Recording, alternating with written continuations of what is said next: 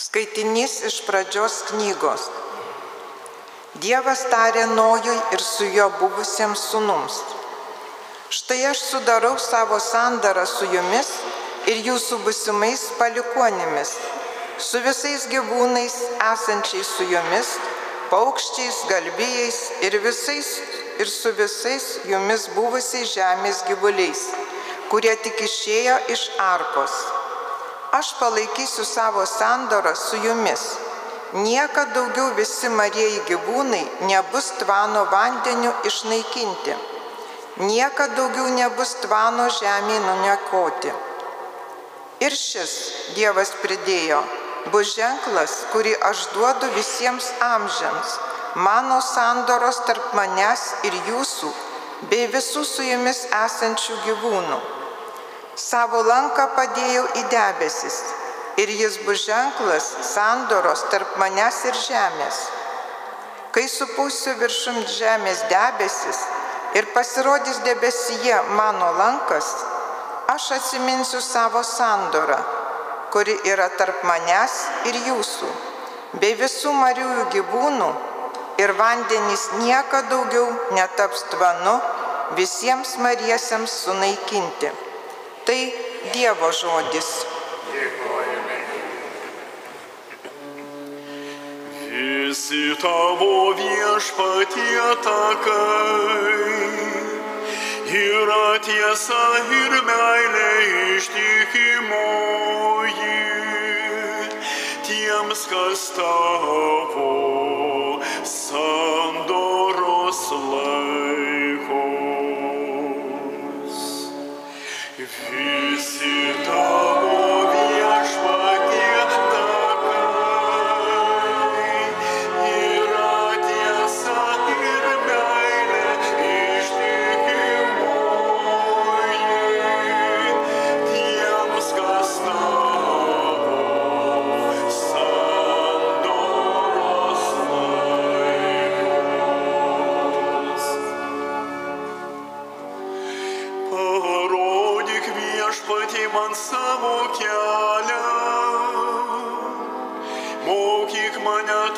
takais tavo eiti. Vesk savo tiesą, tu mane mokyk, nes esi Dievas gelbėtojas mano.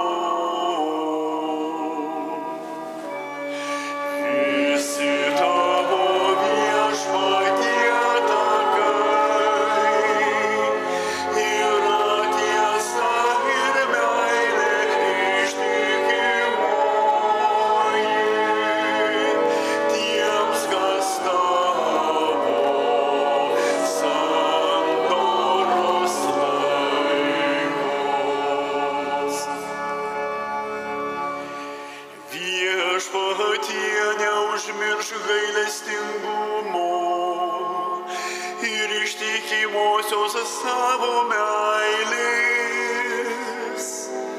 Jie taip seni kaip laikas.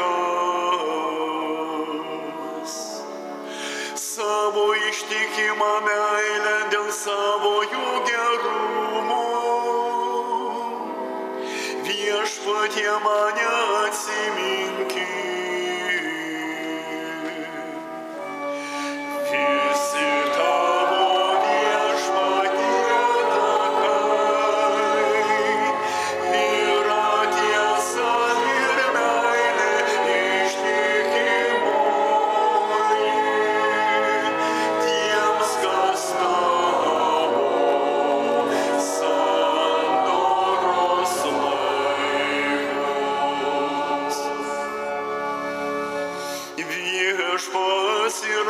teisus ir geras, todėl jis klystantiems kelią parodo. Veda kukliuosius takais teisingais ir moko juos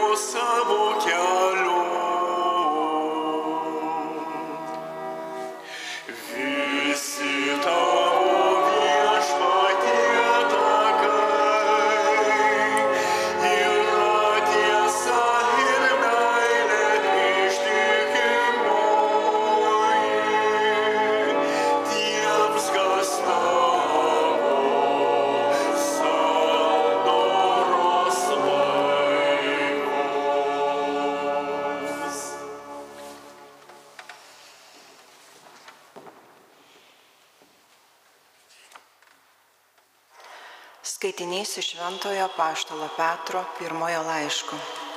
Milimieji, Kristus vieną kartą numirė už nuodėmės, teisusis už neteisiuosius, kad mus nuvestų pas Dievą, beje kūno numarintas, o dvasia atgaivintas. Nužengę žemyn, jis tąją dvasę skelbė kalėjime esančioms dvasioms, kurios kadaise buvo neklusnios kai nojaus dienomis Dievo kantrybė laukia. Bestatant arką, kurią nedaugelis, tai yra aštuoni asmenys buvo išgelbėti vandeniu. Ir jūs dabar gelbsti tų dalykų vaizdinys - krikštas. Jis nėra nešvaraus kūno nuplovimas, bet Dievo maldavimas suteikti gryną sąžinę dėliai Jėzaus Kristaus prisikelimo. Įžengęs į dangų, jis sėdi Dievo dešinėje, o jam yra pavaldus angelai ir valdžios ir galybės. Tai Dievo žodis. Garbė tau Kristau, dieviškasis žodis.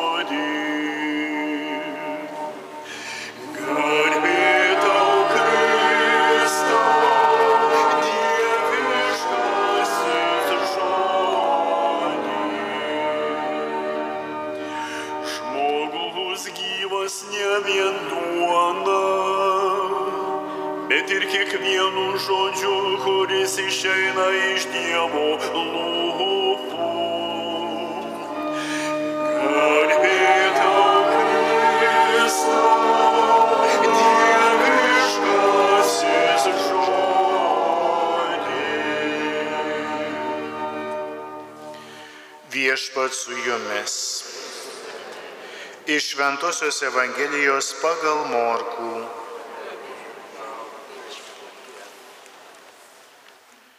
Anuo metu dvasia Jėzų paakino nukeliauti į dykumą.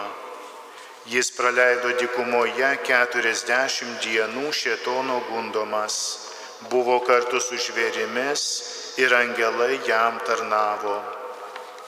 Kai Jonas buvo suimtas, Jėzus sugrįžo į Galilėją ir ėmė skelbti gerąją Dievo naujieną. Atėjo įvykdymo metas, Dievo karalystė čia pat. Atsiverskite ir tikėkite Evangeliją. Tai viešpaties žodis.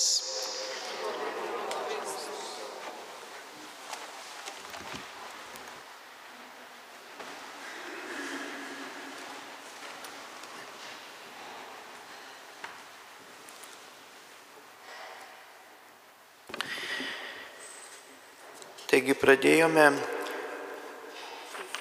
gavėnios kelionę 40 dienų. 40 skaičius arba jisai kvadragėzima lotynų kalboje arba kvaranta italų kalboje reiškia 40. Reiškia tą tikrą laikotarpį ir kuris yra labai krikščionių gyvenime yra labai svarbus.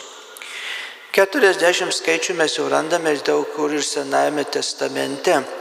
Ypatingai tai jau randame naujus, kuris pirmasis skaitinys buvo šiandieną girdėjome iš pradžios knygos, sako Nojui, kuris buvo ištikimas Dievui, klausė Dievo balsą ir statė, statė arką ir tokiu būdu išgelbėjo save ir savo šeimą nuo tvano.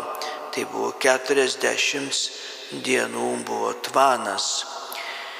Vėliau, jeigu žvelgsime per Senąjį testamentą, rasime 40 dienų išbuvo Mozė ant Sinajaus kalno, besimelsdamas, būdamas 40 dienų, po kurių Dievas darė, davė dekalogą, arba sakome, dešimt Dievo įsakymų, davė šitas nurodymus, davė šitas tą sandorą sudarytą su, buvo su Dievu.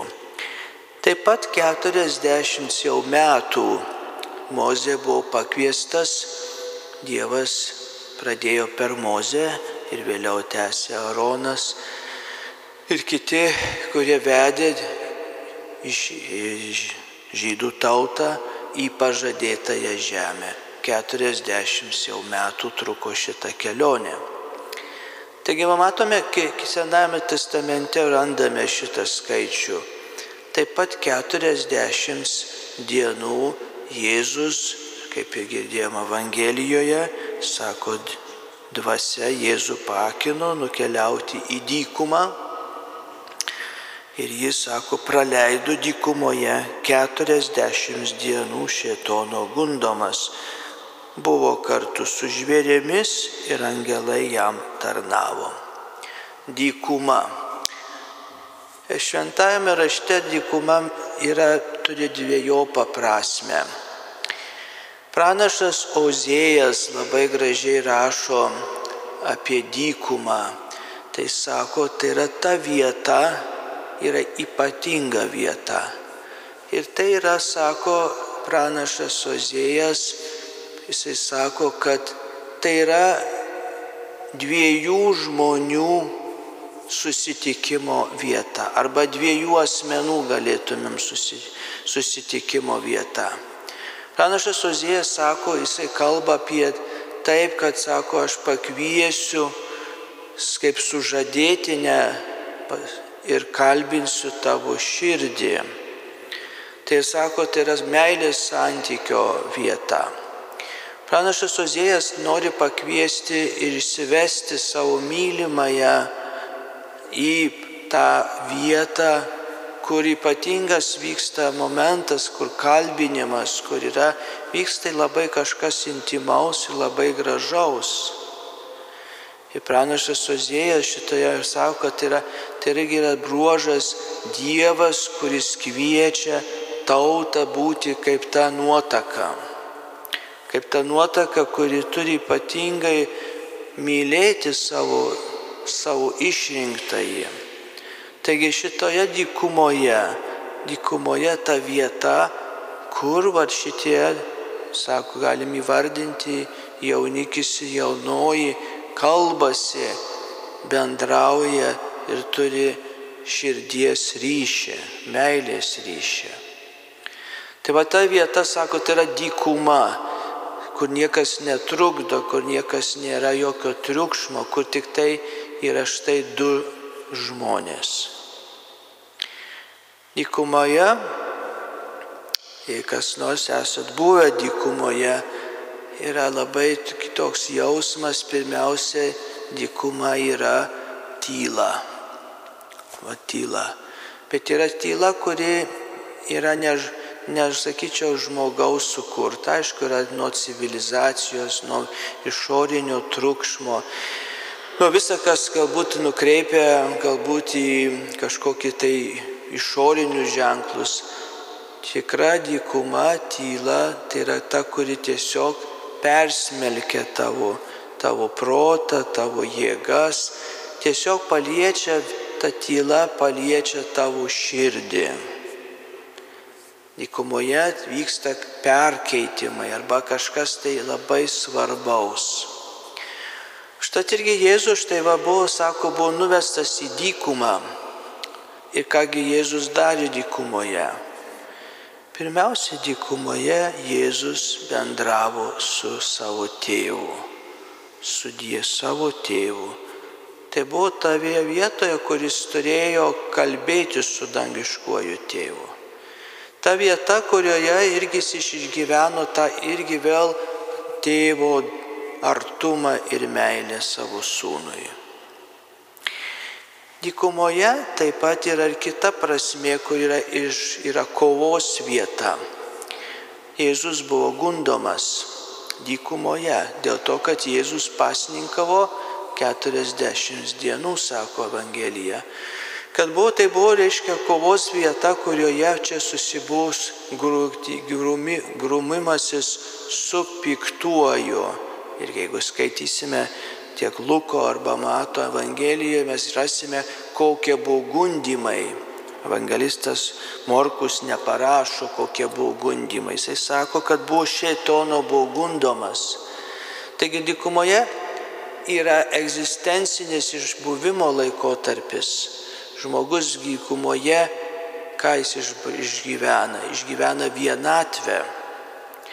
Išgyvena maisto trūkumą, o ypatingai vandens.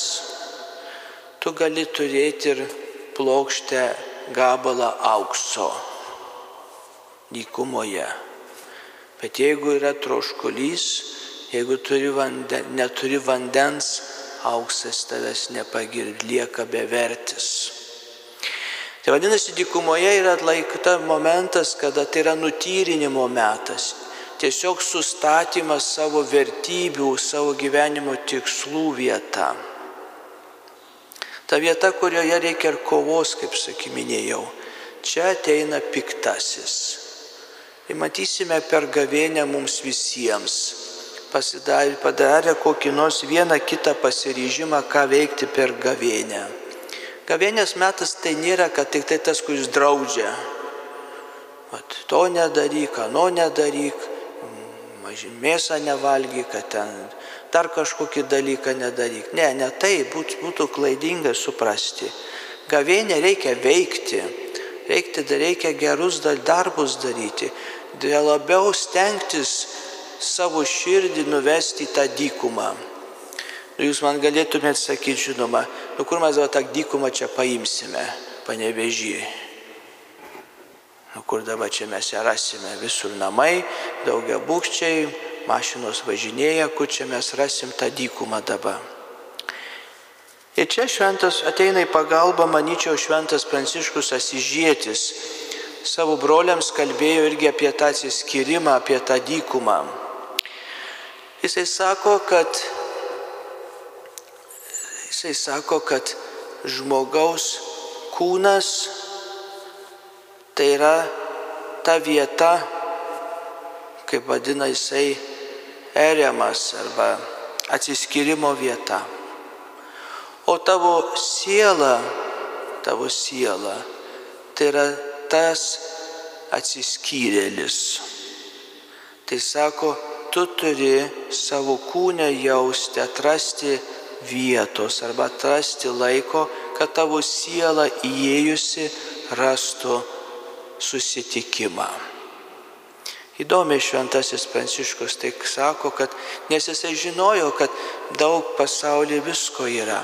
Pats šventasis Pranciškus daugiau gal, sakyčiau, pusę savo gyvenimo metų kaip gyveno, gan atsiskyrilišką gyvenimą ir gyveno toli nuo miestų, nuo, nuo, nuo visuomenės, galim sakyti, bet daug kur yra paštalavo. Bet sako, kai žmogus neturi kur surasti, sako, turi įeiti į savo vidinį gyvenimą. Siela tai tu esi, tu kaip tas atsiskyrėlis turi įeiti į tą atsiskyrėlio vietą, į tą dykumą. Ir čia manyčiau, tą galėtumėm bandyti savo gyvenime daryti. Mažiau galbūt kažkokio triukšmo išorinio, kurį galėtumėm apvaldyti. Galbūt mažiau kažkokio tai, kuris, kuris mus trukdo ar kuris neveda į tą santykių su Dievu kažko tai atsisakant. Bet gavėnę turime kažką daryti. Darbas sakyčiau, darbo paruošti dirbą, kad Dievas mumise nuveiktų savo darbą, savo misiją. Evangelijoje taip pat girdėjom, kad tai Jėzus štai buvo gundomas ir mes patirsime gundimų, bet gundimų nereikia išsigasti. Kas kovoja su Jėzumi, tas lieka, išlieka nugalėtojas. Gundimai tai nėra dar nuodėmė. Gundimai tai yra vedantis į nuodėmę. Žiūrėkime, kai skaitome, kokie buvo gundimai Jėzui, Jėzus labai aiškiai, aiškiai labai atmesdavo. Nekarta popiežius Pranciškus yra sakęs, niekada nediskutuokite su piktuoju, su velniu. Niekad neveskite dialogą su velniu, nes visą laiką pralaimėsite. Kai tik tai pradedam diskutuoti su piktuoju, jau bus balta vėliava. Pasiviskas, kapitulacija. Ne. Jėzus labai aiškiai rodo savo, kaip jis turi kovojo, kaip jis kovojo. Tai vad kovoje mes turime žiūrėti, kaip Jėzus darė, kaip ką Jėzus darė kundimų metu. Tai reiškia atmesti tas, kas neveda į santykių su viešpačiu. Velnes visą laiką naudoja gražius įvaizdžius. Velnes niekada nenaudoja tas, kas yra bjauru, kas yra kenkia, kas yra pasibjaurėtina ir taip toliau. Yra gudrus velnės. Neužmirškime, kad velnės yra, šitonas yra gudrus.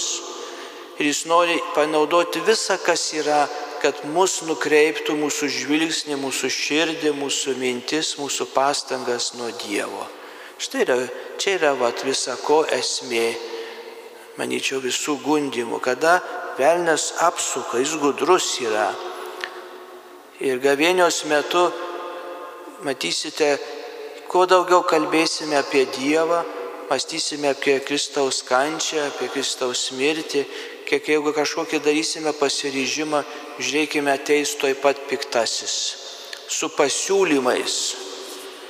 Pasiūlymų bus daugybė, gražiausių, atrodo labai gražus nieko blogo nemata, ne, nežadantis. Bet iš tikrųjų tikslas piktojo yra nukreiptis jūs mūsų visų širdis nuo Dievo, kad tik tai būtumėm kitur, bet ne su Dievu. Va čia yra pagrindinis tikslas piktojo gundimuose, kad tik tai kažkur kitur, bet ne viešpačiui. Toliau sako Evangelija, kad Jėzus buvo gundamas, bet buvo kartu žvėrys. Taip dykumoje yra žvėrių. Bet čia irgi turi sąsąją su tam tikra sąsąją su Senojo testamento pradžios knyga. Kai mes skaitome pradžios knygą, mes prisimename, kad Dievas sukūrė pasaulį. Sukūrė įvairiovę žvėrių, augmenijos, buvo labai gražu. Ir sako, tokiame sode Dievas apgyvendino žmogų. Visi buvo gerai, buvo, su, buvo, buvo sutartinai, visi gražiai gyveno. Tol, kol įvyko didžioji ta Biblijos švento rašto į mūsų istorijos tragedija, kada žmogus atmeta, pasiduoda gundimui ir štai tada susipriešinimas. Taigi žvėris simbolizuoja tas, kuris irgi yra, turi būti klusnus žmogui. Toliau mes girdėjome, kad buvo tarnavo angelai. Angelai, kurie tiek Senajame testamente, tiek ir Jėzaus artumoje jie egzistavo ir jie egzistuoja ir tebėra ir mūsų gyvenime. Sako, tarnavo, tai reiškia Dievui, kaip Dievui tarnavo.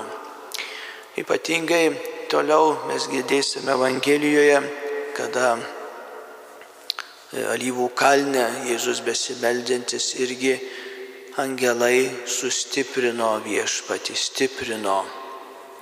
Taigi matome tiek tas fizinis ir dvasinis gyvenimas, kaip yra vieni su kitais susiję. Bet va štai viešpats eina į dykumą. Ir čia išbūna 40 dienų. Ir sako, jis buvo alkanas. Bet mūsų irgi čia mums yra didelė paguoda, sakyčiau, mūsų, mums sustiprinimas, kad mūsų gyvenime irgi reikalinga ta dykuma, kad mums irgi reikalinga to išėjimo, bet atraskime, kviečiu, noriu kviesti, atraskime nors truputėlį per šią gavėnios laiką tos dykumos savyje. Atrastumėm momentų nutilimo, nutilti prieš Dievą. Ir daug dalykų galime labai atrasti, labai, labai paprastų, kokiu, sakyčiau, skaitykime ramiai tyloje Kristaus kančią, Evangeliją pavyzdžiui. Kiekvieną dieną ar po truputėlį skaityti Kristaus kančią. Kitas momentas maldos galėtų būti, namuose turite turbūt daugelis kas kryžių. Ne? Žvelkime į kryžių, bet žvelkime ne tik kūno akimis, žvelkime su širdimi. Štai viešpatė tu vat kiek kentėjai ir kalbėti su viešpačiu. Ateinate adoracijai, būna čia bandykim patylėti irgi prieš Dievą. Ne tik, kad kažką sakyti nuolatos, bet tiesiog patylėti. Viešpatie, tu buvai dykumoje, tai ir aš noriu pabūti toje dykumoje. Tu viešpatie, tu buvai toje akimirkoje, kada buvo tau irgi sunku, taigi aš atnešu savo skausmus, savo suspaudimus, savo artimųjų galbūt bėdas, atnešu čia. Taigi manyčiau, kas ateis jums į širdį per šitą gavėnę, bandykime daugiau kažkaip tai žengti šituo keliu į linktų šventųjų Velykų. O piktasis jis nemiega. Piktasis visą laiką jis bus šalia, bet jo nereikia išsigasti, nes Jėzaus vardu mes jį galime pastatyti labai į jo vietą. Tai visi, visiems linkiu, kad šitas mūsų kavėnios kelias, kur kelionė, kuri prasidėjo, tikrai viešpas tegul duoda to potyrio, patyrimo, patyrimo daugiau Dievo meilės, kaip ir pranašas Ozėjas sakė, aš tave išsivesiu į dykumą ir ten tave kalbinsiu, kaip su jaunikis kalbina savo sužadėtinę. Taip ir mus viešpats kviečia šitą gavėnios laikotarpį išeiti į tą dykumą, nors ir fiziškai gal to kartai gal negalim tą daryti, bet tegul atraskime tos dykumos savo širdyje, savo namuose, kad čia susitiktumėm mūsų viešpati, tas, kuris atėjo, tas, kuris kentėjo, mirė ir prisikėlė. Amen.